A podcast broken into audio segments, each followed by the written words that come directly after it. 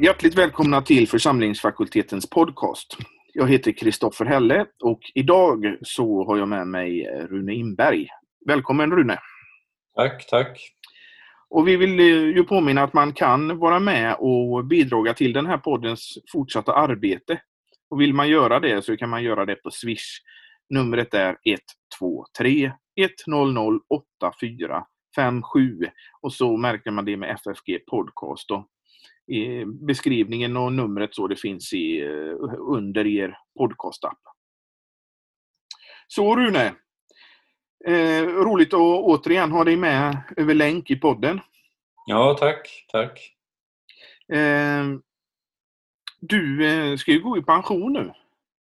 Ja, jo, jag har varit eh, aktiv på församlingsfakulteten i 24 år så att det är en lång period av mitt liv som jag har varit här. Du missar guldklockan på mållinjen. Ja, jo det, det var väl bra det. ja, ja det, det är lång tid. Och Vi tänkte att vi i det här avsnittet skulle prata lite om eh, din tid på, på eh, församlingsfakulteten och lite om eh, vad som har hänt och särskilt om det här STM-programmet. Ja. Eh, men du kom till församlingsfakulteten 1996. Ja. Och då kommer du från Afrika. Jo, jag kom under lite dramatiska omständigheter för det hade blivit eh, kyrkopolitiska problem och sådär. Och eh, så lämnade vi och kom hem till Sverige och då blev jag erbjuden tjänst inom ja, det som numera heter Peter Isak Bens utbildningsstiftelse. Det fanns ett äldre namn innan. Eh, så det innebar att, att eh, jag undervisade i eh, religionskunskap på gymnasiet, eller Mängströms gymnasium. Så där hade jag en ungefär halv tjänst och sedan så andra halvan var på församlingsfakulteten som då var nystartad sedan bara fyra år. Så jag var den, den första som var anställd i mera vanlig mening. Bengt Birgersson var föreståndare, han var rektor på gymnasiet på den tiden. Och Torbjörn Johansson var studieledare men han höll på med högre studier så jag var den första som liksom fick en eh, vanlig anställning där på, på mm. FFG. Och det har jag hållit på med medan gymnasiet det blev för mig som för, för Fritiof Nilsson, Piraten, det blev tre terminer och sen fick jag dra ett streck där. ja, och, och, vi måste ju faktiskt säga det att under din tid så har ju församlingsfakulteten gjort en väldig resa. Det var ju väldigt ja. mer spartanska förhållanden när du började. Ja, eh, det har varit en resa på, på olika sätt. Tre, tre, fyra olika sätt skulle man kunna säga, men till att börja med så när FFG startade 1993 så, så utnyttjade man lokalerna på det gamla gymnasiet, det som fortfarande finns kvar då. Men vi hade några, några rum där, en fem, sex rum med undervisning och kontor och sådant, bibliotek. Och eh, vi var där i fyra år men gymnasiet växte och eh, vi på FFG växte också och då lyckades vi få tag på en eh, lokal vid Korsvägen. Och det var den andra boningen så att säga och den tredje det är där vi är nu på Ekmansgatan. Och det där med Korsvägen, jag brukar jämföra det med om man, om man ska flytta till Stockholm och så har man problem med att hitta hitta någon lokal och då, då, då får man något som ligger mittemot slottet ungefär. Det var det enda man lyckades få tag i. alltså vi, vi hamnade vid Korsvägen och eh, på den tiden när vi började så fanns det två spårvagnslinjer som sen blev fyra och sen blev sex och sen fanns det ett otal busslinjer, jag vet inte hur många. Och det är några hundra meter från Liseberg station och några hundra meter från Liseberg och Svenska Mässan och Hotell Gotia och flygbuss till, till Landvetter och allting. Så att det är nästan ännu mera smeten än vad man kan säga vid centralstationen. Och så E6 inom, inom synhåll. Så det var fantastiska lokaler och där var vi 18 år och sen efter det så avlade vi någon typ av mogenhetsexamen och då flyttade vi bort till Lorensbergs villastad. Och det var våren 2015, så där har vi varit i fem år och bott in oss och ja, som man sa om eh, Esaias Tegnér när han var i Östrabo, biskopshuset i, i, i Växjö, att han, han var där uppe och såg ner på stan. Vi ser ner på Götaplatsen. Mm. Så Götaplatsen det är alltså utsikten från eh, det, det rum där jag sitter och jobbar på FFG. Ja. Så det var den ena resan, den, den byggnadsmässiga. Men, men om, vi, om vi går tillbaka lite och tänker, hur såg verksamheten på FFG ut när du kom? Ja, eh, den började med en kompletterande verksamhet, det vill säga man förutsatte att studenterna läste på Göteborgs universitet, på GU, och sen så gav vi kompletterande undervisning som liksom skuggade den religionsvetenskapliga utbildningen. Så när man läste systematisk teologi på universitetet då hade vi kurser på 20 timmar i, i eh, dogmatik och troslära och sådant. Och när de hade kyrkohistoria då hade jag 20 timmars undervisning på FFG. Så det innebar att det var en supplerande undervisning som eh, stöttade Eh, studenterna i deras studier. Så fick de våra perspektiv och lite fördjupning. Så det höll vi på med i eh, i sju år och eh, vi fortsatte också med det ett tag efter det men 2000, då, på det nya stället alltså, då startade vi en egen teologutbildning och den, den första varianten av den teologutbildningen den håller vi alltså på att avveckla nu efter 20 år och det är en, det är en helt egen utbildning då, teologisk utbildning för kyrka och samhälle. Så den har vi kört med i 20 år. Och det är många elever som har gått den genom åren? Ja, det är, det är väldigt många. Vi har haft större grupper och mindre grupper. Men problemet har varit att, att vi inte har lyckats få någon erkänd statlig akkreditering, svensk alltså. Mm. Det innebär att, eh, att antalet studenter har minskat nu. Och det, vi tycker att undervisningen har fungerat bra men antalet studenter har minskat. Och då har vi löst det på det sättet att vi eh, samarbetar dels med en norsk institution, Fjällhaug, mm. och då kan vi erbjuda alltså en norsk kant examen på tre år i samarbete med dem. Och sedan så samarbetar vi sedan några år med en amerikansk institution och eh, med hjälp av dem så kan vi då erbjuda en masterutbildning i teologi, en, en eh, masterutbildning på engelska. Så det innebär att man kan ta två olika examina via församlingsfakulteten i dessa dagar. Mm.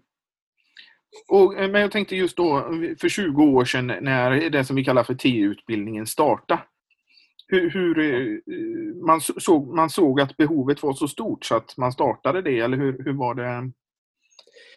Ja, det, vi, vi, visste ju att det var många som var intresserade av den typen av utbildning och eh, Kyrklig Samling, en, en organisation som har funnits sedan 1960 ungefär, den eh, eh, bad oss att ta fram en sån här teologutbildning. Så i början var det, ja vad ska man säga, 10-12 studenter som läste i de första årskullarna.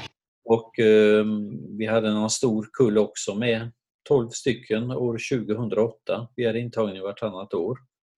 Så att som störst så har det varit eh, 10-12 studenter vid flera tillfällen och sen ibland har det varit ett halvdussin och sen nu på senare tid så, eh, så har det varit något färre som har gått. Så att vi har eh, kört 10 kullar, 10 omgångar med studenter. Så de som slutar nu det är den eh, tionde gruppen.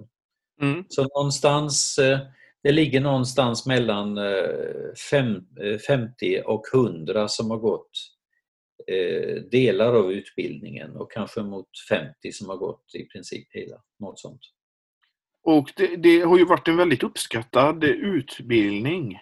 Eh, den, den, har ju varit mm, i mångt och mycket i kontrast till den mm, religionsutbildning som finns på universiteten. Ja, där, där kan ju saker och ting variera och de har ju en helt annan eh, teologisk profil än vi. De, de, vi bygger ju på den lutherska bekännelsen och, och, vi vill vara bibeltrogna och så. Och det gör att eh, det blir ju mindre grupper som läser hos oss än på universitetet. Men Problemet med mindre grupper, det kan också vara en väldig fördel, nämligen att det eh, ibland kan tendera att bli eliter av det hela. Och där kan man ju konstatera att, att eh, en av våra studenter har doktorerat i Skottland och ett par har kommit långt i sina doktorstudier i Finland och ett antal personer har avlagt masterexamina i USA och så vidare. Så det är väldigt många som har gått vidare på olika sätt. Några som präster i Svenska kyrkan, några som eh, präster i missionsprovinsen och andra har gått vidare i eh, läraruppdrag eller kyrklig tjänst. Mm. Och en av våra mest exotiska studenter, han eh, han tillhör rödrockarna, jag för mig att det är så de kallas. Vad tänker du på när du hör rödrock? Nästan kardinaler skulle jag säga. Nej, lite mer trivialt än så. Eh, det är, de, det är eh, den kanadensiska polisen. Så en av ja, de har ju de här... Han, han, han är alltså polis i Kanada. Jaha. Ja. Och han tycker att han har glädje av, av sina studier på FFG. Och en av våra kvinnliga studenter hon, eh, hon eh, har läst på ett av eh, USAs största teologiska seminarier, Gordon Conwell. Och om jag har fattat henne rätt så var det inte lättare att, att läsa på FFG än på Gordon Conwell. Nej, det, det, det, kan mycket väl vara så. Ja, oh ja. Eh, det kan ju jag vittna om och många andra också att utbildningen på FFG är en seriös utbildning. Man har ju tagit Bibeln och bekännelsen och sitt uppdrag på, på, på största allvar. Ja, jo. Det, eh, det där med att vi inte har fått eh, den statlig svensk akkreditering, det är ju en sak, men däremot så har vi fått, så är vi inne i vår femte akkreditering för övrigt, femte ackrediteringsprocess. Så, så ehm, vår vanliga TU-utbildning, den som vi håller på att avveckla, den har blivit akkrediterad två gånger av en europeisk akkrediteringsorganisation med, med väldigt goda vitsord. Ehm, men det är alltså inte det att, att man kan avlägga en formell teol. kand-examen, men de har eh, bedömt den som att den eh, håller mycket god kvalitet. Så den är europeisk. Och sedan så har vi då två gånger blivit prövade av en amerikansk institu- eh, organisation, ATS, och det är den som eh, ja, i nuläget så akkrediterar den 270 seminarier och eh, motsvarande liknande institutioner, 7000 professorer, 70 000 studenter. Så det är där de här välkända teologiska seminarierna i USA akkrediteras. Harvard och Yale och Princeton och sådana. Mm. Så de, de har akkrediterat oss en gång och sen så höll de på med den andra men det sprack lite på grund av Corona så där är utfallet inte klart men det blir i höst. Så där har vi då de akkrediteringarna och sen så har vi då en amerikansk jag höll på nästan säga västernackreditering, men det är alltså de här, de, de här centrala staterna, tror jag, tio, tio av de centrala staterna i Midwest och allt vad det heter, Higher Learning Commission. De har också akkrediterat oss. Så att eh, eh, vi anses som en, en eh, ja, man kan verkligen säga en seriös institution och vi får överlag väldigt goda vitsord. Och, och det, ja. Ja, det märker jag ju. Vi har ju väldigt prominenta internationella gäster eh, på, på församlingsfakulteten, särskilt från eh, teologer från USA. Ja, jo då, de, de har oftast väldigt gott att säga om församlingsfakulteten. Ja, jo då, det, det har vi märkt. så att, att eh, Vi har haft väldigt många framstående eh, teologer som har hälsat på oss. Dels eh, de ifrån Missouri-synoden som vi samarbetar med. Eh, så där, där har vi haft många, bland annat Robert Kolb som är en eh, världskänd forskare inom mm. lutherdomen och så. Men sen också exegeter från andra sammanhang och det är bland annat via våra lärare Timo Lato och Daniel Johansson. De har sådana såna kontakter så att eh, vi har fått hit väldigt många personer som är mycket framstående. Mm. Eh, så där märks det ju att, att det fungerar väl. Men sen har jag också noterat en sak under årens lopp och det är att vi har en informell akkreditering och det är när vi byter studenter med universiteten. Och då har jag märkt då att personer som har läst på, på, på svenska universitet och sen byter till FFG, att där kan vi ha ett väl så högt tempo. Det vill säga att det kan eh, ibland nästan bli problem att följa tempot på FFG. För man är van vid ett annat tempo från universitetet. Medan däremot om man har läst hos oss och sen går vidare så har vi sett att våra studenter ofta har ovanan att vara bland de bästa i sin klass. det har vi sett ifrån både, både USA och i andra sammanhang att att de som har varit våra spetsstudenter, de har ofta legat väldigt högt också i, i, på andra institutioner. Men det är också en sak som, jag tänker på att väljer man att studera på FFG då är, då är man verkligen motiverad. Ja, precis. Jo, och det, det gör då att, att, att, att å ena sidan så har vi väldigt få som halkar in hos oss. Men å andra sidan Eh, och, det gör ju att vi får inte så väldigt stora studiegrupper. Å andra sidan, de som kommer, de är ofta eh, hängivna och engagerade och det innebär att de ger järnet från början och det, det kan vi märka att, att det är väldigt ofta så. Så att vi har eh, väldigt engagerade studenter och det är också något som, som poängteras från de som kommer att akkreditera oss. Att de är förbluffade över hur engagerade studenterna är och också hur eh, bra relationen är mellan studenter och lärare. Mm. Det kommenteras ofta. Det är kanske det som också är fördelen med en så eh, liten institution också, att eh, närheten både bland eh, vi, vi, har ju folk i huset som, som sitter och, och men, men, mellan studenter och lärare och vad ska man kalla de här vanliga besökare eller vad man ska säga. Ja. Mm. Det blir en nära relation och man märker att före detta studenter gärna kommer och är en stund på FFG. Och... Jo då, det, det märks mycket. Sen, sen, finns det en del element som ibland är svåra att, att nästan beskriva och eh, förklara.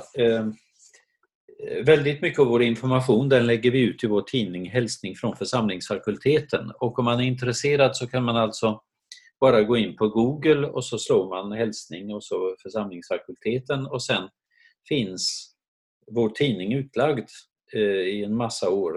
Det är väl 14 års årgångar tror jag som är utlagda, sex nummer per år. Och jag, jag körde med en liten, en liten rövare här för några år sedan det var i samband med att jag fyllde år. Så jag firade min födelsedag med en akkreditering från USA. Och det var ganska kul. Och där har jag till och med lagt till en av mina absolut roligaste bildtexter. Det, det, är ofta jag som skriver bildtexterna och här tycker jag att jag verkligen slog till. Eh, för det, jag har lyckats få in en västgötaklimax. eh, jo, och det är alltså sista sidan på nummer 3, 2015. Då, står, då, då är vi fem personer som står där. En lång amerikan i mitten och sen är det då två äkta par. Eh, ett amerikanskt par till vänster och så jag och min fru till höger. Och, eh, då, och så är det Göteborgs domkyrka i bakgrunden och då står det så här på väg till möte med företrädare för stiftelsen Pibus och församlingsfakulteten. Från vänster James och Laurie Thames, Dallas, Peter Butenev, New York samt Katarina och Rune Inberg, Horred framför Göteborgs domkyrka. Och här har jag alltså lagt in två västgötaklimaxer på en gång. Därför att till att börja med så de geografiska orterna är Dallas, New York och Horred. Och det finns ju nästan inget som slår det, eller hur? Nej, jag, jag har nog aldrig varit med om något liknande. ja. Men sen om man då kan sin, sin, sin teologi, eller eh, vad ska man säga, sin globala teologi, så är det så att han ifrån Dallas, han kommer ifrån ett av världens största eh, teologiska seminarier. Det är nämligen så att de, eh, har, de utexaminerar 1000 eller 1500 studenter per år. Och när de kom, då tror jag att de hade utexaminerat 20 000 studenter. Så det är alltså ett av de absolut mest kända seminarierna i världen. Så han kommer ifrån Dallas och det ger ju en svensk andra associationer, Dallas alltså. Ja, jo, helt klart. jo. Så ett seminarium med 20 000 studenter eh, utexaminerade. Och sen han i mitten, det är ett mindre seminarium men det är eh, då eh, ett av världens mest kända ortodoxa, alltså grekisk-rysk-ortodoxa seminarier. Mm -hmm. Ett av de mhm. mest kända i världen, Saint Vladimirs. Så alltså en evangelikal amerikan från Dallas och sen en ortodox ifrån, eh, ifrån New York. Och sen undertecknad tillsammans med fru ifrån Horred och församlingsfakulteten.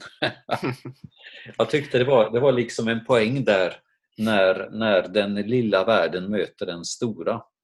Mm. Det, det tyckte jag var kul att, att, att, lyfta fram de här kopplingarna och eh, ja, att vi också har gjort en resa. Att folk kan komma från Dallas och vara ett av världens största teologiska seminarier och vara imponerad av eh, vad ska man säga, förhållandena och miljön och studenterna på församlingsfakulteten.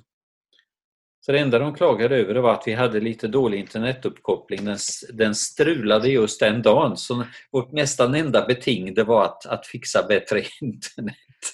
Ja, och det, det, är ju fixat nu kan vi säga. Så att, um... Det är fixat, nu har vi fiber och allting så nu, nu flyter det på jättebra.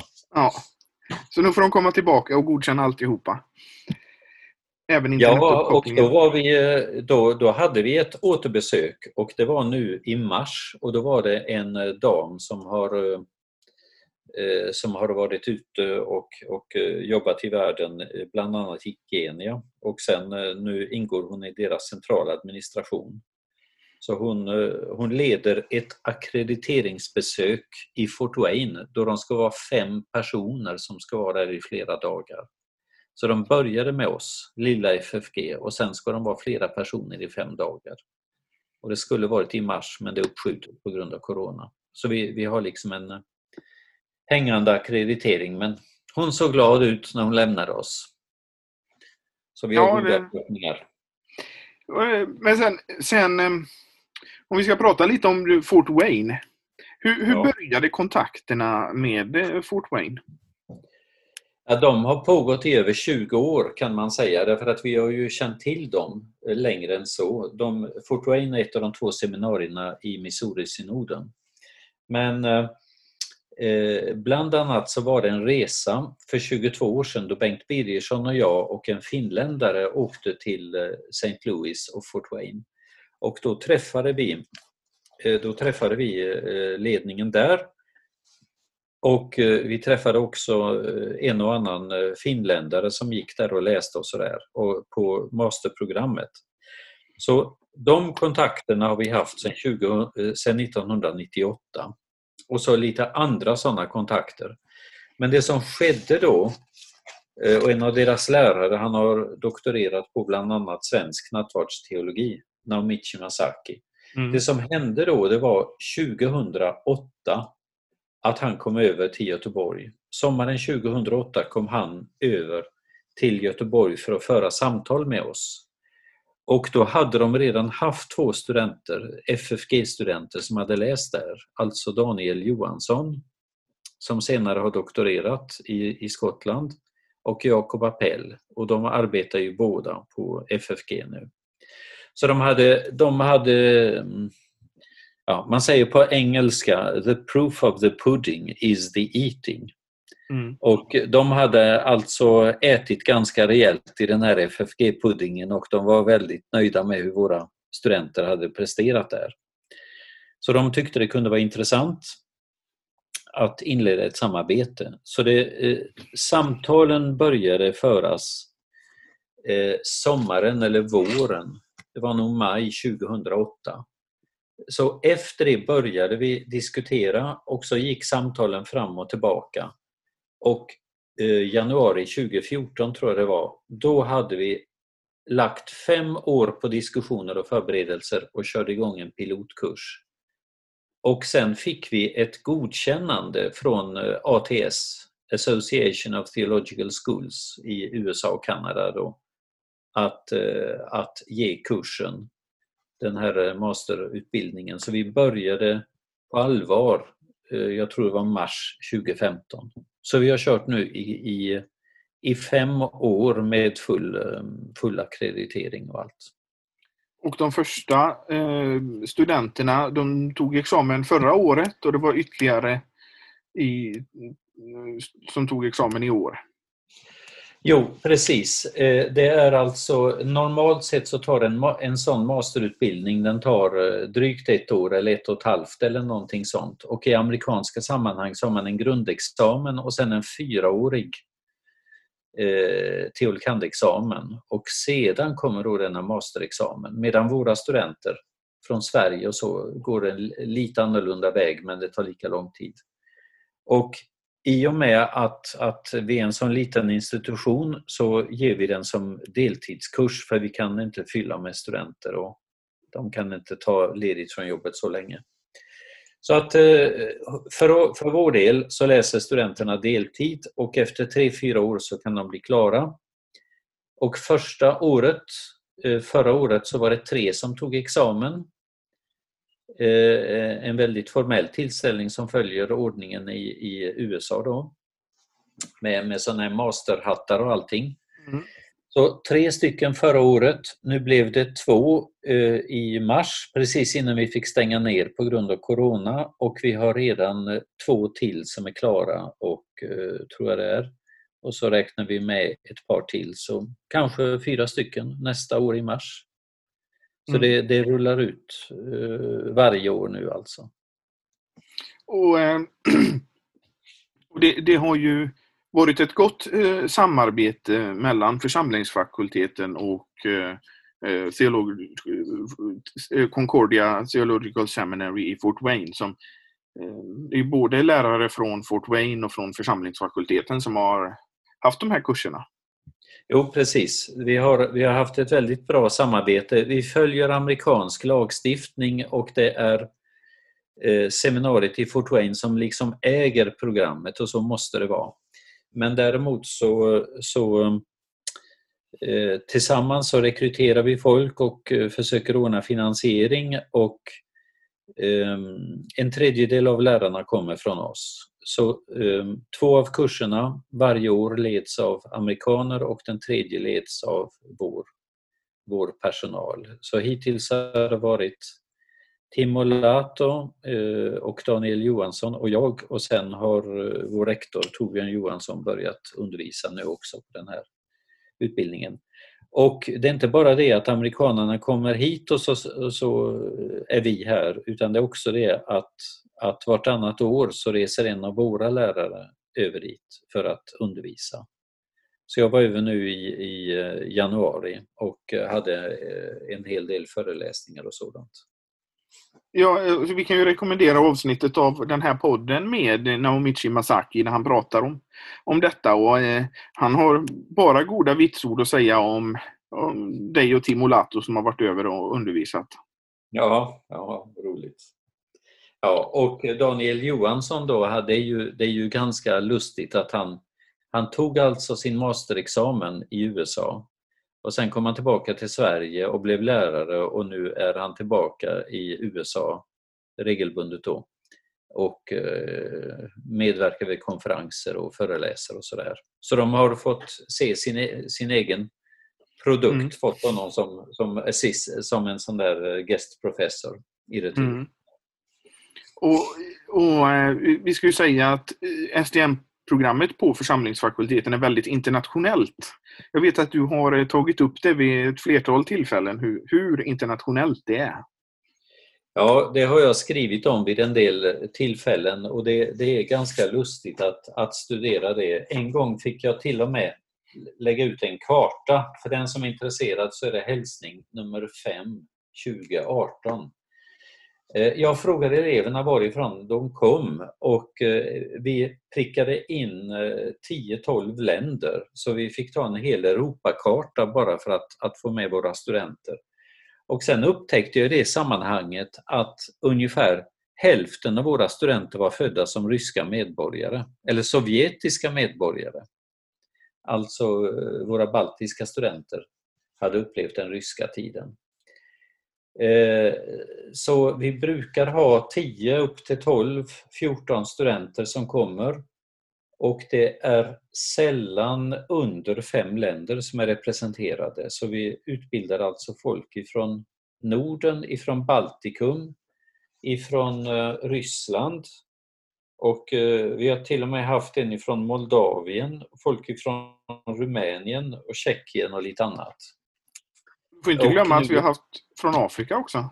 Ja, precis. Och nu har det precis börjat folk ifrån Afrika. Då var det då en biskop ifrån Rwanda och så var det en kyrkopresident ifrån Ghana. Och sen står det andra afrikaner på tur. Så att eh, man kan säga att eh, Eh, det är ju inte ett självspelande piano men det är en slags framgångssaga med den här masterutbildningen att den är väldigt uppskattad och det är ett eh, högt söktryck på den, vilka som går där. Ja, och det, det är alltid roligt när, när de här eh, SDM-kurserna är på, på församlingsfakulteten för det blir huset livas upp på ett alldeles särskilt sätt. Ja, jo då, och eh, jag tycker det är ganska kul därför att eh, det, man kan höra de mest skilda språk talas.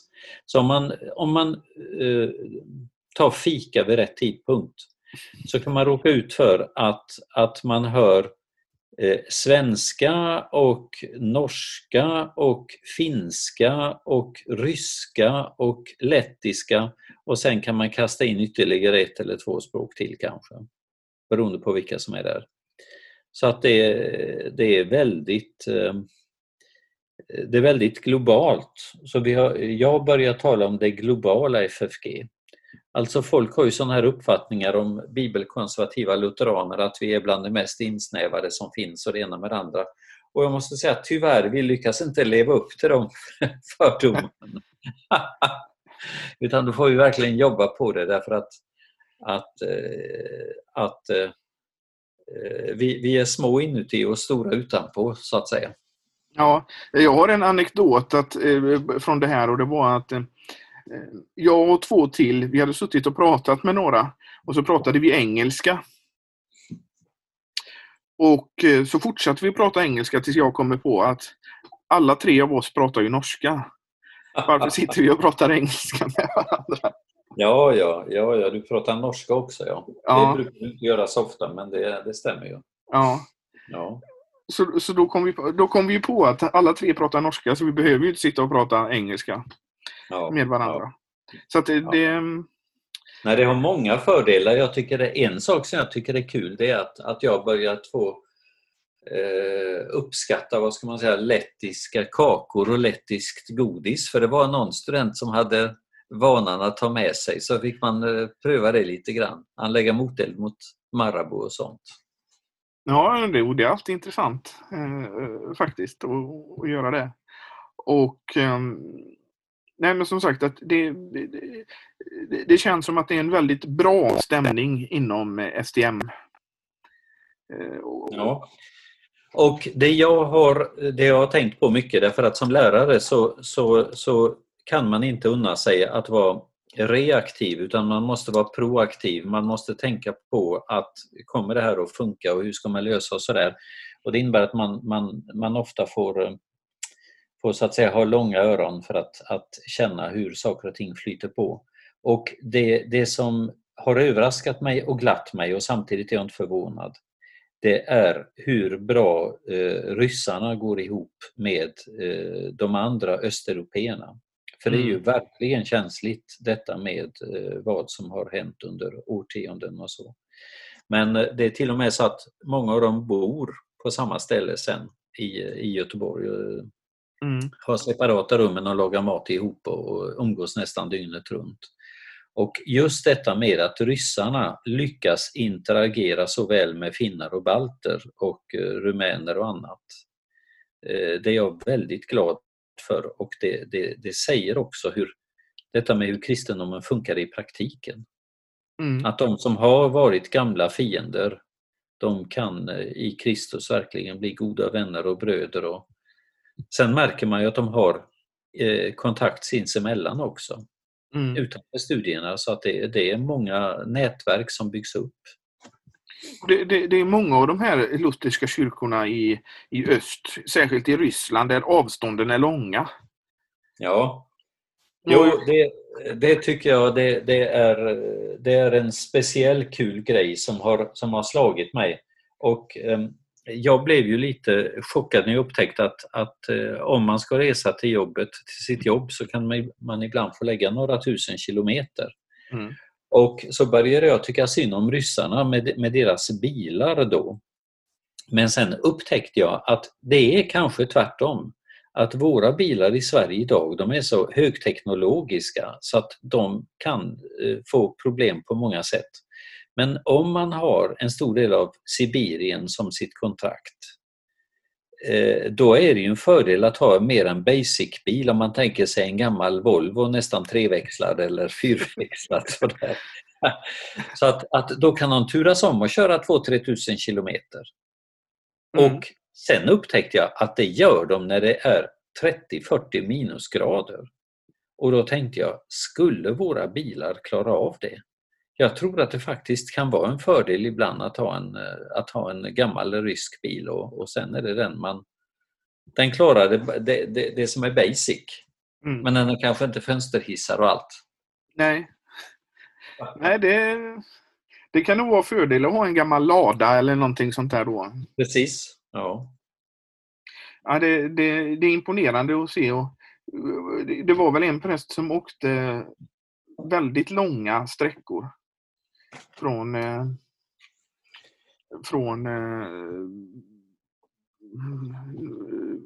morgon till kväll för att ha gudstjänst på förmiddagen på det ena stället och på det andra.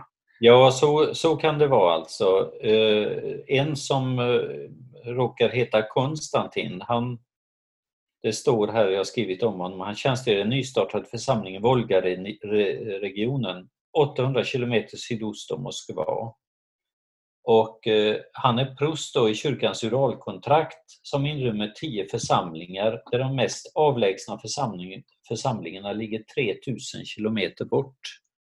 Så hans kontrakt, han får alltså köra 3000 kilometer dit och sen 3000 kilometer tillbaka.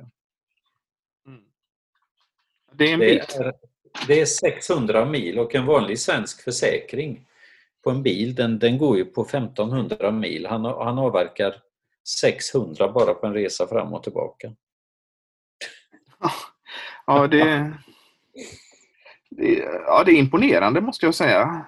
Ja, jo då. Det, en annan sak jag tänkte på som, som eh, det är ju den här eh, FFG har ju haft en eh, väldigt luthersk profil. Ja.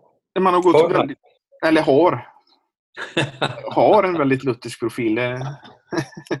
men, men har, har, har, ehm, och det, det som du, jag tänkte på dig som kyrkohistoriker, eh, det är att eh, tror du att lite av det har kommit från USA och Missouri-synoden som är en luthersk urkyrka så att säga? Istället för den svenska kyrkan som har ett eh, katolskt ja, Ja, jag vill nog eh, vända på det hela och säga att, eh, och jag håller förresten på att skriva en uppsats som handlar om sådana här saker. Jag skulle säga att som lutheran så betraktar jag Missouri-synoden som nykomlingar. Ja. Eh, alltså att, att Missouri-synoden uppkom genom att det var konflikter i Tyskland, bland annat i, det, i, i kungadömet Sachsen var det väl, jag tror mm. kungadöme då. Och de emigrerade till USA 1840. Och, eh, och efter det så, så slog de sig samman i tysktalande församlingar och så växte det och det blev, eh, det blev en slags kyrkobildning. Så de kallar sig inte kyrka utan Lutheran Church Missouri Synod. Så de ser sig som, som en synod i en, en större luthersk kyrka. Och då kan man säga att då, då levde ju varken du eller jag. Nej. Men, men däremot om jag tänker på på den fromhet som jag vuxit upp i och det är bland annat Sellergren-fromheten i, i eh, Växjö stift. Och där, där är det ju så att, att eh, Sellergren fick sitt andliga genombrott på 1810-talet.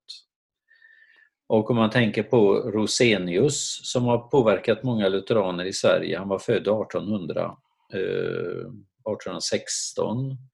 Och så har vi Schartau som dog 1825 Eh, och, och en del andra. Så att, att eh, man kan säga att de har lyckats både kyrkomässigt och akademiskt åstadkomma mycket av det som vi har strävat efter att göra. Men, men vårt arv, det är alltså lika eh, gammalt som deras.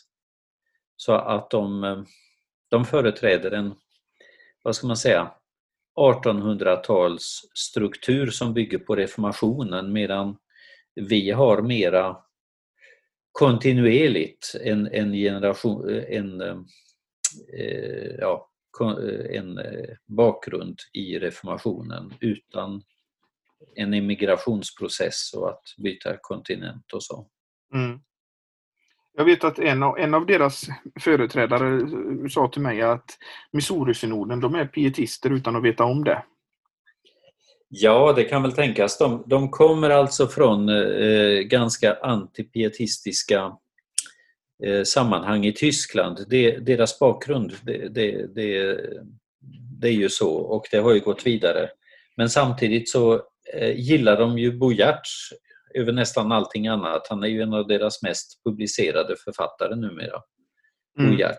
Och eh, hans skrifter är ju indränkta av den kyrkovänliga pietismen i Sverige. Sen är han påverkad av högkyrklighet och mycket annat. Men, eh, men eh, eh, jo, så att eh, det, väldigt mycket är likt och så finns en del olikheter och vi har hittat ett sätt att fungera tillsammans som är väldigt bra.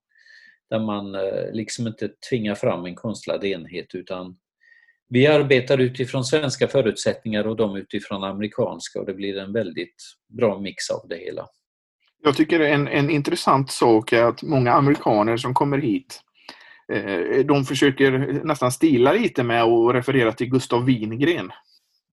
Ja, jo då. och uh, Wingren han uh, är ju väldigt känd i USA men de känner honom framförallt genom hans tidigare skrifter.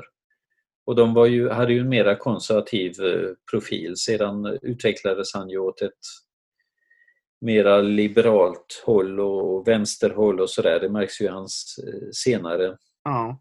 senare utveckling från 70-talet och framåt. Och eh, de skrifterna är inte i någon större utsträckning översatta till engelska. Så det innebär att de, de känner en yngre Wingren medan vi känner både den yngre och den den eh, senare. Jag vet att jag, eh, eh, en av dem som hade refererat till Wingren, han blev lite chockad när jag berättade om den senare Wingren som han inte alls kände till. Ja, jo precis. Jo, men så, så är det ju ofta. Och, ja.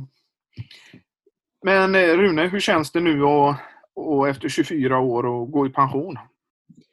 Ja, jag tycker det känns väldigt bra. Det är ju en märklig sits att, att uh, den här uh, landningen, jag tänker ofta på det som ett maratonlopp och så precis, precis när jag kommer in i sista kurvan och det är sista rakan och man känner att nu ska man springa här och resa händerna och allting, nu är, jag, nu är jag strax i mål, ja då infaller, då infaller Corona, pandemin. Mm. Så att uh, jag är ju bara inne på FFG ett par, tre gånger per månad eller så numera utan jobbar mest hemifrån. Så det, det, känns lite märkligt men jag eh, tycker att det, det, är fantastiskt. Vi har lyckats åstadkomma mycket under de här åren och eh, ja, jag känner att nu är det dags att lämna över stafettpinnen till yngre förmågor. Men om, om, du, om du skulle mm, liksom ta fram eh, eh två saker som har skett under, som, under din tid på FFG, vad, vilka två saker är det då? Ja, det tycker jag är svårt därför att eh, jag tycker att Gud ger så många gåvor som man eh, eh, man har, har, nästan svårt att, att, att ställa dem vid sidan av varandra. Jag tycker att att eh, det är lite grann som eh, Lina Sandell formulerade som din dag så skall din kraft dock vara. Jag tycker att vi har mött många svårigheter i olika sammanhang och eh, mycket motvilja från, från eh, officiella sammanhang, både kyrkligt och, och statligt och sådär. Men att Gud har välsignat steg för steg. Så jag tycker att det, det, är väldigt sällan jag känner att vi har gått på pumpen och sådär, utan det är att vi har gjort olika satsningar och eh, vissa saker har fungerat väldigt bra och vissa har vi fått lägga ner efter ett tag. Men detta med Guds nåd, det tycker jag eh, är väldigt markant. Mm. Så det, det är Lina Sandell-perspektivet, som din dag så skall din kraft och vara.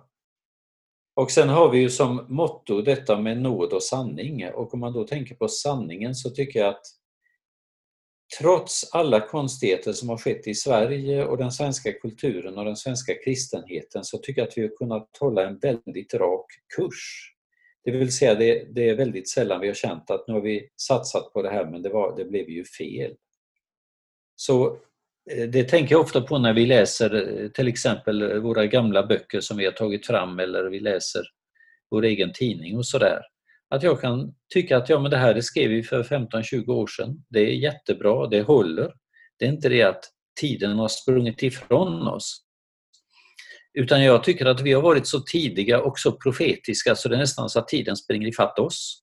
Ja. Det tycker jag är en ganska Eh, ganska kul grej att mycket av det vi står för det har så att säga blivit mera inne nu. Jag tänker du nämner bokproduktionen där. Det är ju någonting som faktiskt har varit en succé för FFG och både den normala man ska säga, bokproduktionen men även småskrifterna. Ja, jo precis. Jo, så att nu har vi inte mindre än tre, tre Eh, tre grupper av material. De stora böckerna de har vi hållit på med länge och eh, de har en, en gedigen karaktär och där, där flyter det på en del. Och sen småskrifterna, där har vi, håller vi på med den tionde nu. Mm. Och de har det gått väldigt väl och vi har fått trycka om ett par av dem och fler står på kö att tryckas om ganska snart. Och sedan har vi då en eh,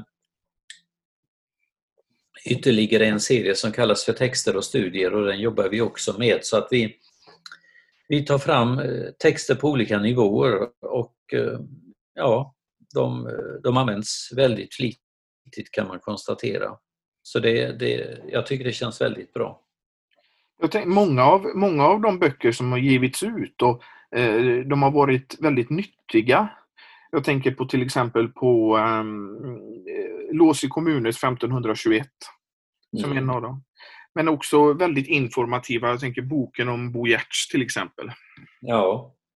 Jo, det är ju 15 år sedan den boken kom och eh, den används ju fortfarande och eh, det var till och med så att, att en finländsk doktorsavhandling om Bo Giertz där citerades fem eller tio av uppsatserna i den boken i, i själva doktorsavhandlingen alltså. Mm. Och eh, vad gäller eh, Låsi då, Melantons eh, bok så fungerar ju den fortfarande som kurslitteratur och sådär.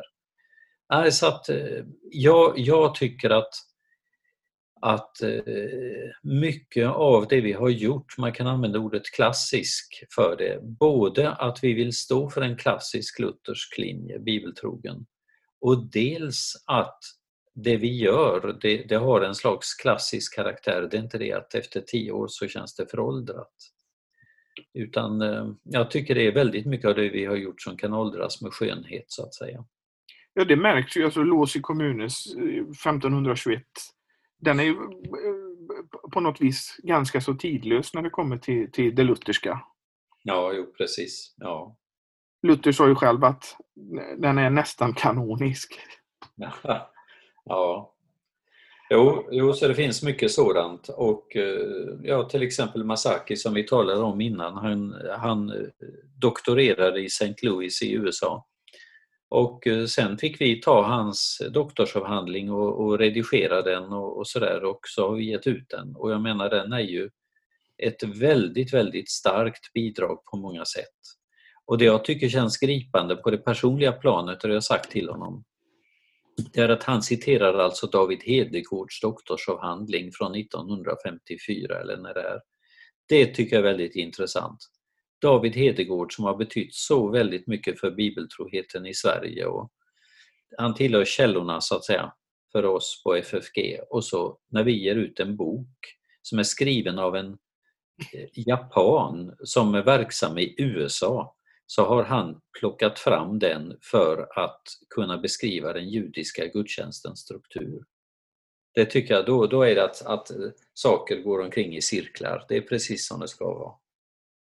Alltså mycket av det, det, det, det, svenska teologiska lutherska arvet är ju levande på, på FFG.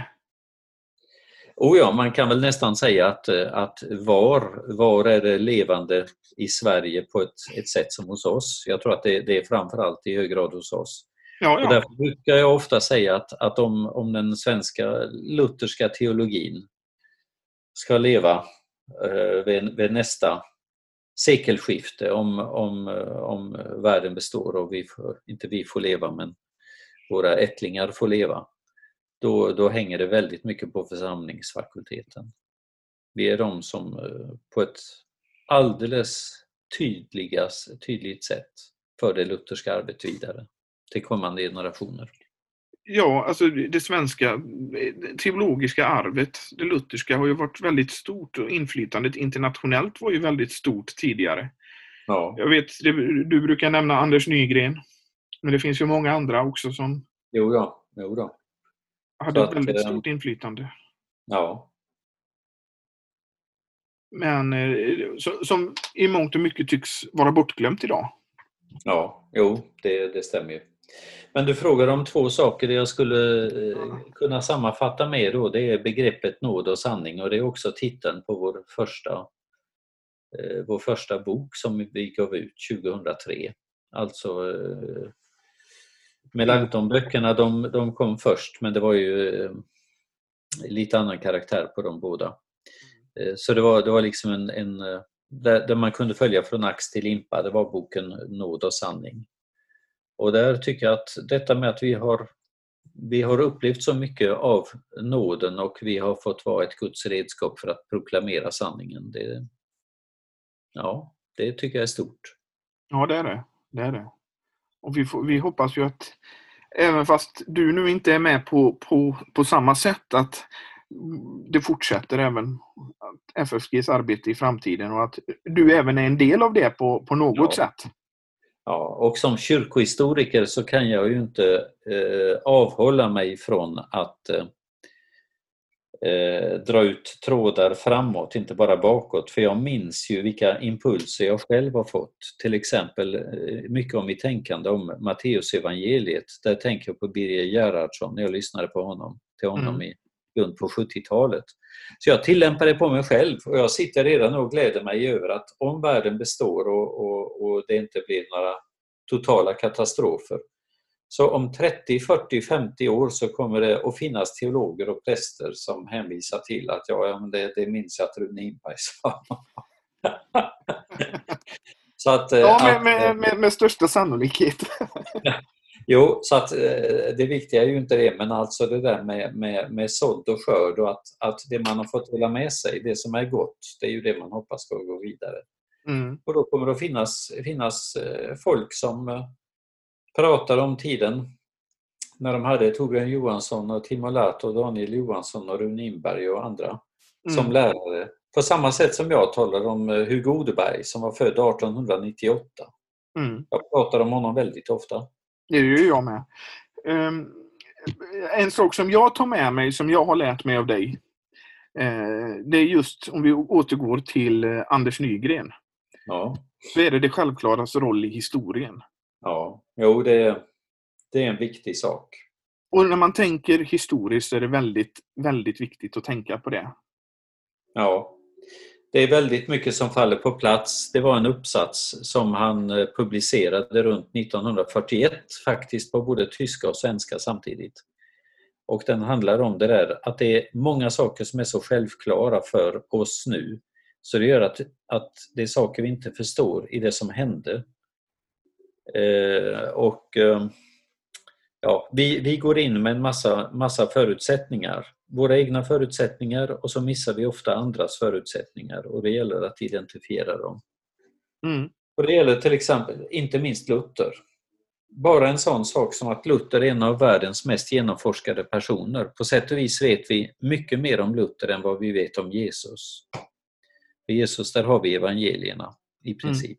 Medan Luther, han är så väl genomforskad så att vi vet nästan vad han gjorde varje vecka sedan 1517 till 1546. Nästan varje vecka, ibland varje dag. Och då tänker man inte på det utan då bedömer man honom som om han levde på 1800-talet. Men han levde på 1500-talet. Så därför menar jag att Luther blir ofta felbedömd. För vi vet för mycket om honom. Andra vet vi för lite om. Och därmed så eh, går vi inte in på sådana detaljanalyser som vi ger Luther. Det blir ju lätt eh, så som det skedde i Tyskland på 1800-talet när de skulle göra sådana här Jesusbiografier om hur Jesus egentligen var. Ja. Då kom de alltid fram till att han var en tysk man på 1800-talet ungefär. Ja. Som inte var professor. Mm. Och det var hans stora misstag. Precis så. Ja. Precis så. Ja. Så, så eh, det är ju någonting jag tycker vi kan skicka med våra lyssnare också och tänka på just det här med det självklaras roll i historien. För det tycker jag är en stor del av ditt ja. arv. Ja, det låter, det låter jättebra. Ja. Och om man vill hitta det arvet så kan man hitta det på olika ställen, men bland annat i vår bok Den mångfacetterade reformationen. Där kan man se i mitt sätt att tänka kring Luther och reformationen att jag försökt att leva upp till mina egna ideal. Ja, jo, det, och den, både din artikel och boken i sin helhet eh, är ju ett storverk får man säga. Mm. Det, ett imponerande arbete. Mm. Och där finns ju även internationella medarbetare från bland annat Norge med. Och så, så att... Bland annat Norge, ja. Mm. Ja. ja. Men Rune, du ska ha tack för att du var med. Ja, tack ska du ha. Och ja. är det så att man vill bidra till den här poddens fortsatta arbete, hur kan man göra det då Rune? Via genom att skicka in på gammaldags postgiro eller att swisha. Precis. Och vill och man göra det... 12310 och sen är det fyra siffror till. Ja, 12310 ja. 8457. Ja, jag kan det nästan nu. Ja, utan ja det är bra. Kan du ja. postgirot utan till också då om man vill? Eh, postgirot, då ska vi se här. Postgirot, det är ett plusgiro 640 60-7. 640 60-7. Bra. Och det, där ja. kan man också skicka in en slant om man vill bidra till eh, församlingsfakultetens ja. fortsatta arbete, eller den här podden, ja. vilket är en del av församlingsfakulteten. Precis. Ja. Och eh, Rune, indirekt så är du också mannen bakom den här podden. Jaha, på vilket sätt? Ja, det var ju du som fick in mig på FFG en gång i tiden. Så... Ja, jo då, jo då. Så att det, det finns många spännande trådar. Ja, precis. Och eh, då säger vi eh, tack så mycket till våra lyssnare. Tack. Och så hörs vi igen snart.